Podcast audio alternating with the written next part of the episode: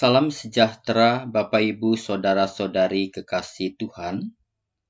Hari ini kita merenungkan firman Tuhan dari Injil Matius pasal 11 ayatnya yang ke-6.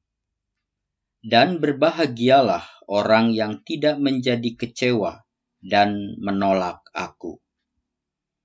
Bapak Ibu Saudara-saudari kekasih Tuhan, dalam kesetiaan mengikut Tuhan, tidak jarang kita menjadi kecewa. Terutama di tengah-tengah kesetiaan kita mengikut dan melayani, kita menghadapi banyak tantangan dan pergumulan hidup. Misalnya seperti situasi yang kita hadapi saat ini. Masalah kesehatan yang kita alami, kehidupan ekonomi kita memburuk karena usaha dan pekerjaan terdampak pandemi, masalah rumah tangga, dan lain sebagainya. Dalam situasi seperti itu, mungkin kita sudah berdoa dan berusaha mengatasi persoalan itu. Namun, nampaknya jalan keluar dan jawaban doa tak kunjung datang, sehingga mungkin saja dalam situasi seperti itu kita menjadi ragu akan pertolongan Tuhan dan akhirnya kecewa karena kita merasa dalam kesetiaan mengikut Dia, namun Dia seakan-akan tidak mempedulikan kita. Bapak, ibu, saudara-saudari kekasih Tuhan, Yohanes Pembaptis dalam Injil Matius pasal 11 merasa ragu dan kecewa kepada Tuhan sehubungan dengan kenyataan hidup yang ia hadapi. Yohanes Pembaptis dikenal sebagai suara yang berseru-seru di padang gurun, mempersiapkan jalan bagi Tuhan agar umat bertobat menyambut kedatangan Mesias. Dan dalam khotbahnya untuk membawa pertobatan, ia pernah menegur Herodes Antipas atas dosanya, namun bukannya bertobat, malahan Yohanes ditangkap dan dipenjarakan. Dan tampaknya Yesus seolah-olah diam saja dengan nasib yang dialami oleh Yohanes Sang Pembaptis itu. Sebagai manusia, saudara-saudara, wajar Yohanes Pembaptis ragu akan kemesiasan Yesus dan bahkan kecewa. Tetapi ia tidak terus larut di dalam keraguan dan kekecewaannya. Di dalam penjara ia datang kepada Tuhan dan menanyakan langsung dengan mengutus murid-muridnya kepada Yesus.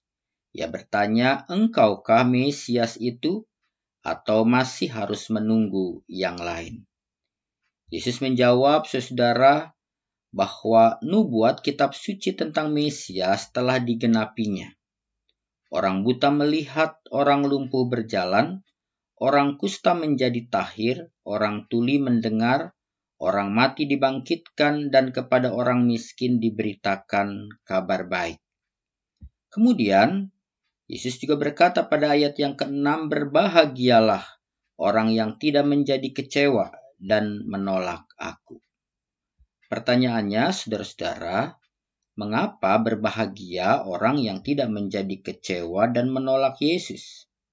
Bila kita perhatikan pada ayat yang 11, Yesus katakan, sekalipun Yohanes Pembaptis adalah orang yang terbesar di antara orang yang pernah dilahirkan, namun orang yang terkecil dalam kerajaan surga, yaitu orang yang percaya kepada Yesus, lebih besar daripadanya. Itulah sebabnya ia katakan berbahagialah orang yang tidak menjadi kecewa dan menolak aku. Saudara kekasih Tuhan, apa dan siapa kita di dalam kehidupan ini? Firman hari ini mengingatkan kita bahwa kehebatan apa pun yang kita lakukan dan kebesaran apa pun yang kita miliki di dunia ini, semuanya akan menjadi tidak berarti jika kita tidak memiliki iman dan percaya kepada Yesus. Dan itu yang sedang diingatkan oleh Yesus kepada Yohanes Pembaptis. Kedua, bila kehidupan dalam dunia ini mengecewakan kita, Firman hari ini mengingatkan kita jangan kita larut dan hanyut di dalamnya. Datanglah pada Yesus dan dengarkanlah firman-Nya melalui pembacaan Alkitab setiap hari.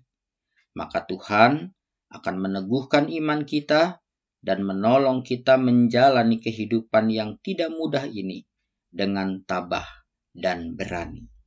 Kiranya firman Tuhan menerangi hati kita dan Roh Kudus menolong kita tetap percaya dan mengandalkan Dia sehingga hidup kita berkenan kepada Bapa di sorga.